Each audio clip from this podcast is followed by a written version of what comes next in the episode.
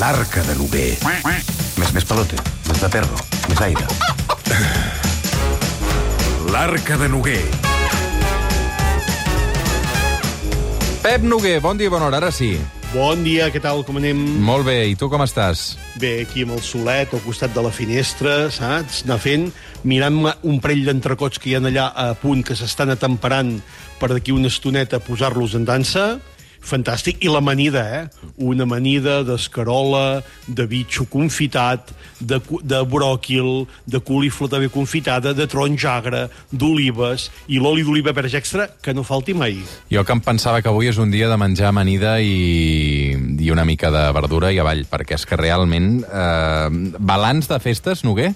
Balanç de festes, jo fantàstic, eh? T'haig Sí? de dir que jo crec que és de les millors festes des d'un punt de vista culinari i gastronòmic i alimentari que he fet, perquè eh, una cosa que vaig tenir en compte és que sempre, àpat que hi hagués, hi havia d'haver-hi vegetals, Clar. verdura, d'una manera o d'una altra. I després, eh, so, jo, jo sóc d'aquells que com que els àpats que t'agrada fer són a l'hora de dinar, a l'hora de sopar sempre són aquells sopars que jo en dic de, de, allò una mica de... que abans en diuen allò d'esmorzar com un ric, dinar com un pobre eh, i sopar com un pobre, no?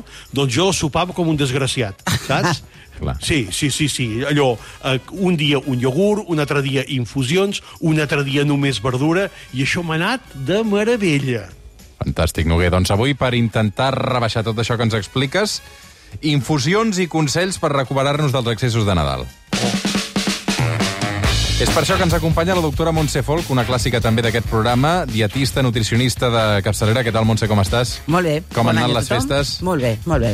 Perfecte. I, a més a més, avui de la Montse també hi afegirem el Guillem Castanyer. Què tal, Guillem, com estàs? Molt bé, molt bé. Ell és el soci productor d'Emporarom, l'empresa empordanesa de plantes medicinals i aromàtiques, um, perquè realment um, això puja i amb ganes, eh? tot el tema de les infusions uh, després d'aquests dies, i, i, i suposo que una de les coses que ens vols traslladar és que no només cal que sigui aquests dies, no? sinó infusions tot l'any. Exacte, exacte. Hauríem de prendre infusions tot l'any i mirar les propietats, òbviament, però també prendre'ns-la perquè ens agrada el gust, el sabor, l'aroma, que això és molt, molt important.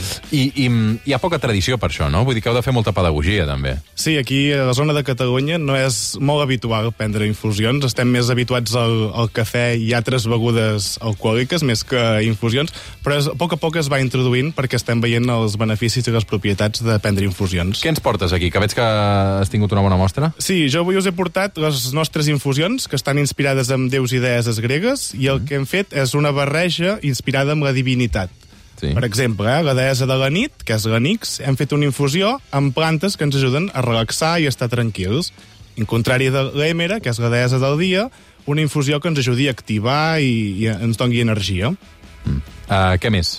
Nosaltres, eh, tot és planta eh, ecològica del territori. Nosaltres tenim camps a Gal i al Baix Empordà, eh, les olives, la tallada d'Empordà, eh, Sant Sadurní de l'Eure, i a l'Escala hi tenim un camp visitable on fem pedagogia de tot aquest món de, de les plantes, les infusions, els condiments i, i una mica d'explicació de l'entorn i, i la natura on estem, tot lligat amb els déus grecs i, i romans per la proximitat amb les ruïnes d'Empúries.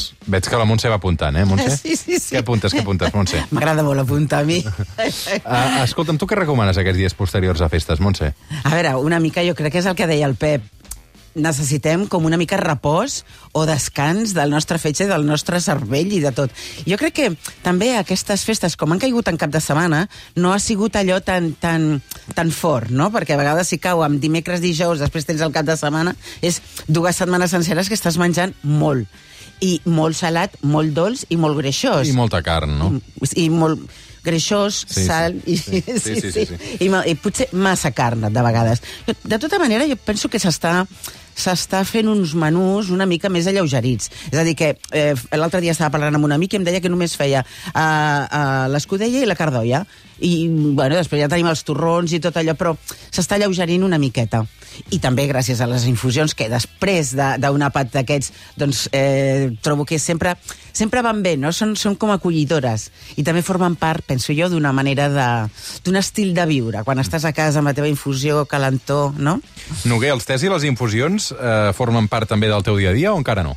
Sí, sí, sí, jo en prenc molt. Però, i fixa't, eh, ara, ara acabes de dir tes i infusions. És a dir, quan parlem d'herbes, eh, un pot pensar, ui, aquest pren una aigua de farigola, deu tenir alguna tatxa de mal, saps? En canvi, eh, tothom entén que un te, per exemple, es prengui no, diguem-ne, perquè un es vol sentir bé, sinó perquè li agrada. És a dir, el te el tenim posat en aquell prestatge de, de la gastronomia, del plaer, i en canvi molta gent, les herbes aromàtiques, només en fa ús quan li fa mal la panxa i això. Jo crec que aquí és on hem de canviar el kit de la qüestió, no? És a dir, hem de portar aquestes grandesa d'aquestes herbes aromàtiques que tenim aquí a casa nostra, que són moltes, per separat per una banda, però després en format de tisana per una altra, i jo crec que tenim molt de plaer per fer.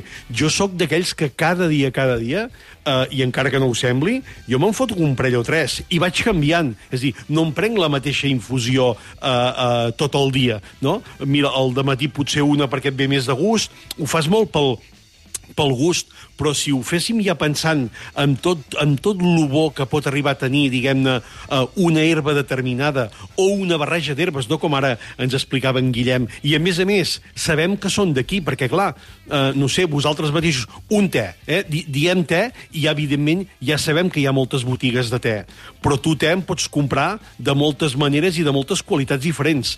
En canvi, d'herbes aromàtiques no hi ha tanta gent que en faci, per això val la pena saber qui hi ha a darrere de cada persona o cada grup de pagesos i pageses que fan aquestes barreges d'herbes i saber que són del territori. Jo crec que és molt bo, això. Guillem, d'on surten totes aquestes herbes? Sí, les infusions nostres surten dels nostres camps de, de cultiu. Empordà, eh? A l'Empordà, tot a l'Empordà. Sí que hi ha alguna espècie exòtica que hem posat en les infusions que ens ve de fora però sempre estem parlant d'un 5%. Tot l'altre és nostre i en, si en algun moment veiem que alguna planta ens manca, co- mirem de comprar dintre del territori català. I després, um, clar, suposo que es cometen molts errors a l'hora de preparar infusions, perquè aquí, com dèiem, hi ha, hi ha poca tradició, no? Quins són els errors més comuns a l'hora de prendre tres infusions que a l'hora de preparar-los a casa? Sí, l'important per fer una infusió, el principal, és tenir la, la matèria prima, l'herba, que és molt important que sigui ecològica de proximitat, i l'altre és l'aigua. L'aigua ha de ser una aigua bona. No podem fer servir una aigua de l'aixeta o una aigua que tingui una, que, no sigui, que, no sigui, que no tingui bon gust. Després, la temperatura de l'aigua. Per fer una infusió, nosaltres parlem d'infusions de les plantes d'aquí del territori, eh, l'aigua ha d'estar uns 95 graus, 95-90, no hauria de bullir. Després eh, hauríem de posar... Primer error, perquè tothom la fa bullir normalment, no? Exacte. Pots fer bullir l'aigua i després pares el fogó o, o mm. allà on la tinguis i després hi poses la infusió. El que passa que no ha de bullir aquestes herbes. Com parlem d'arrels, sí que han de bullir. Uh -huh. Però en aquest cas, no. I la durada d'una infusió ha de ser d'uns 4 o uns 5 minuts. Aquí què ens passa? Que tenim el te, que és el que tenim tots més, poder més, més, Més familiaritzat, sí. Sí, i el te, la temperatura sol ser més baixa, o sigui, no ha d'arribar mai ni als 80 graus, segurament un te, i després el temps ha de ser menor, perquè després s'amarguen o tenen diferents gustos. En canvi, la infusió, en principi, són uns 4 o 5 minuts i no hi ha massa perill de que t'estiguis un rato més infusionant. Clar, Eh, eh, digues, digues, eh, no bé. No anava a dir, aquí hi ha una cosa que entre en Guillem i la doctora Folk, això jo crec que ens ho poden solventar, i és que, clar, cada una d'aquestes herbes té unes propietats, no? Per exemple, unes pugen el, el, la pressió, l'altres la baixen, unes van bé perquè són desinfectants, les altres perquè eh, són d'una altra manera. No o sigui, aquestes més comunes que tenim, per exemple, quines propietats tenen? No sé, fonoll, farigola, Sí, romaní, que- no? la menta... I, I la barreja de totes aquestes, no? És, a- és a dir, podríem diferenciar entre les digestives, que potser serien les que ara eh, més, més ens venen de gust, o podríem aprofitar, no? Doncs que serien tot el que és fonoll, que eh, evidentment va molt bé per tot el que és inflamació abdominals, pels gasos, bones digestions. Eh, doncs la, la, la camamilla sola o camamilla amb anís estrellat, que potser són, aquestes són les més conegudes. Doncs la tila... La, la tila, per exemple, encara que sembli que només pot servir per, per descansar, també pot servir per descansar el nostre sistema digestiu. Mm. És a dir, fer una mica de relaxació de, de tot el nostre organisme, no? A partir d'aquí, de la menta, la menta puniol, la menta puniol, sem- la menta sempre et dona un puntito més de... un puntet més d'energia, no? És a dir, que trobo que una, una infusió, sigui freda o sigui calenta, eh, sempre ens anirà bé. Potser ara l'hivern més calenta, però a l'estiu igualment l'efecte el faria eh, en fred. Jo, jo m'agradaria dir un- una cosa, que aquí el, el Guillem segurament eh, m'ho confirmarà o no, no? És a dir, si són 4 o 5 minuts el que es considera que s'ha de fer un, un té, més o menys, encara que deixem el sobre allà perquè ens hem despistat, no passa res. És a dir, les, les característiques nutricionals són les mateixes. L'única cosa que les característiques organolèptiques, és a dir, el sabor, es farà més, no? Més fort, potser, o... però les característiques a nivell salut serien les mateixes. Clar, eh, després hi ha una altra cosa, que és, no sé si a qualsevol hora del dia, eh, de la mateixa manera que el cafè si te'l prens al vespre, després tens conseqüències a la nit, hi ha gent que no li afecta, però hi ha gent que sí, eh, amb les infusions i els tests deu passar el mateix, no? Una mica, és a dir, el, tot el que és... Clar, el te és teïna, la, el cafè és cafeïna. Al final, eh, diguem-ne que és la mateixa mare. I, per tant, si prens hi ha persones que poden prendre un cafè a la nit i dormen. Per tant, si prenen un te, també dormiran. Però eh, a l'efecte és el mateix. L'única cosa que el cafè sempre està més concentrat i el te, doncs, clar, portes molta més quantitat d'aigua i està més diluït. En principi sempre serà més fort l'efecte del cafè que del te. Sí, amb, amb infusions no tenim cap planta en concret que porti eh, taïna, però sí que, per exemple, nosaltres tenim una planta que és molt comuna a tot l'arc mediterrani, que és el romaní. El romaní no és una planta que ens porti taïna, però sí que és una planta que estimula. Per tant, si ens haguéssim de prendre una infusió de romaní cap al vespre, bueno, potser no seria la millor opció. Mm. Um, i, I després, crec que també deu ser una bona eina per substituir cafès. És a dir, persones que prenen 5 cafès al dia, doncs, escolta'm, intentar passar a dos cafès i dues infusions, no? Què seria un bon substitutiu del cafè? Ui, ui, la Montse diu que no. Que ni 5 cafès, ni, ni dos cafès, ni, ni dos infusions. Amb, amb, amb, sempre que parlem de teïna, eh? Uh -huh. O sigui, en principi, tant cafè, te o, o les coles, les begudes de cola, no hauríem de passar de 3, perquè en definitiva totes porten aquest te, o aquesta, aquesta teïna, perdó, o aquesta cafeïna. Per tant, no més de 3 entre Coca-Coles, o perdó, entre coles, begudes de cola, tés amb teïna i cafès normals. És a dir, aquesta seria com una norma general, no? Però sí que és una bona, trobo, una bona possibilitat substituir alguns cafès per infusions. Uh, Guillem, noteu que a l'hivern hi ha molt més consum que a l'estiu? Dels Sí. vostres productes? Sí, sí. Uh, la infusió encara està molt emmarcada en èpoques de, de fred. En canvi, a l'estiu ens costa molt preparar una, una infusió en fred, perquè el procés és que primer hem de fer calent i després hem de fer refredar, ja sigui posant-hi gel o posant-lo a la nevera. Per tant, aquest procés més llarg, que la gent ens estem acostumant a que tot ho volem ara i ja, uh -huh. eh, fa que no es ve- prenguin tantes in, infusions a, a l'estiu. Tot i que eh, també hi ha molta gent que demana ara la, la infusió que pugui anar ja a la màquina, diguéssim, de la cafetera. I sortir al moment. Ostres, una infusió, com diu la paraula, és una infusió, ha d'infusionar.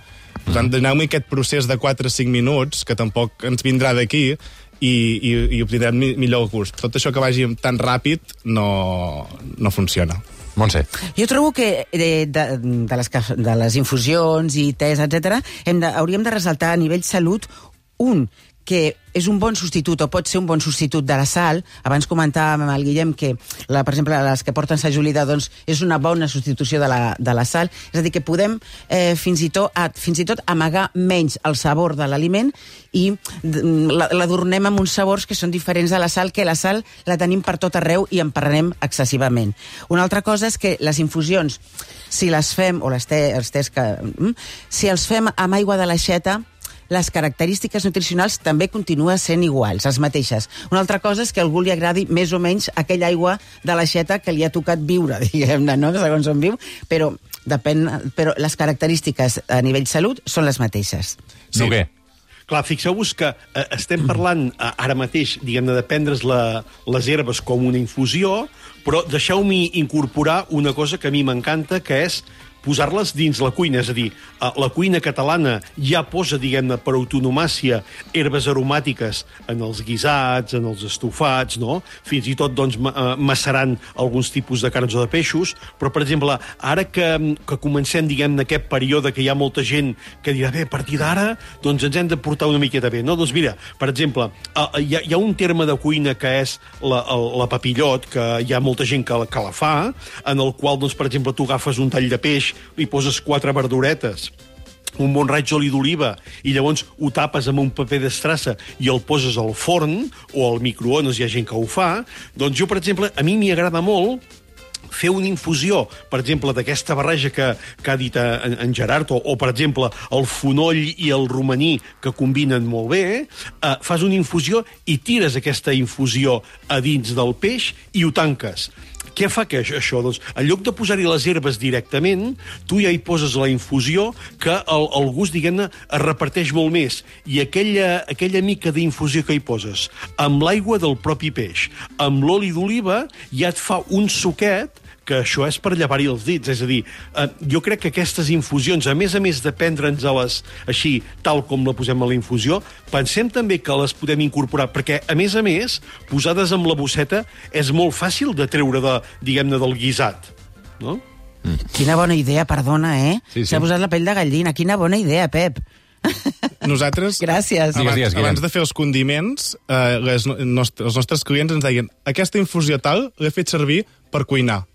Per tant, eh, a, a, a causa d'això vam decidir treure una línia de, de condiments per això, per no haver de posar tanta sal i poder cuinar amb, amb herbes del territori que la gent ho, està, ho, ho tenia perdut, però s'està introduint molt. I per fer-ho d'una manera eh, coherent amb el territori, vam parlar amb els pescadors de, de roses per, per fer una barreja per peix i amb els carnissers de la província de Girona per fer barreja amb carn. Noguer, eh, ho haurem de deixar aquí, però necessitaríem més minuts per parlar de la bondat que hem de fer després dels accessos de festes, perquè és que realment, mm, pel que em dius, eh, tu avui no t'atures, eh? No, i, I demà tinc un dinar. Demà tinc sí. un dinar també, vull dir que hauré d'esperar una miqueta, però jo sóc de, ja t'ho dic, eh? Jo dinar molt bé, la doctora Fol ja ho sap, però després Sí. l'hora de sopar jo em porto bé, li enviaré una foto fins i tot de, del meu sopar. A, a veure si és veritat. Guillem Castanyer, soci productor d'Emporarom, eh, moltes gràcies avui per apropar-nos també els vostres productes al suplement. Una abraçada ben forta. I doctora Montse Folk, fins la propera. Fins la propera. Moltes, moltes gràcies. Ara tornem al suplement.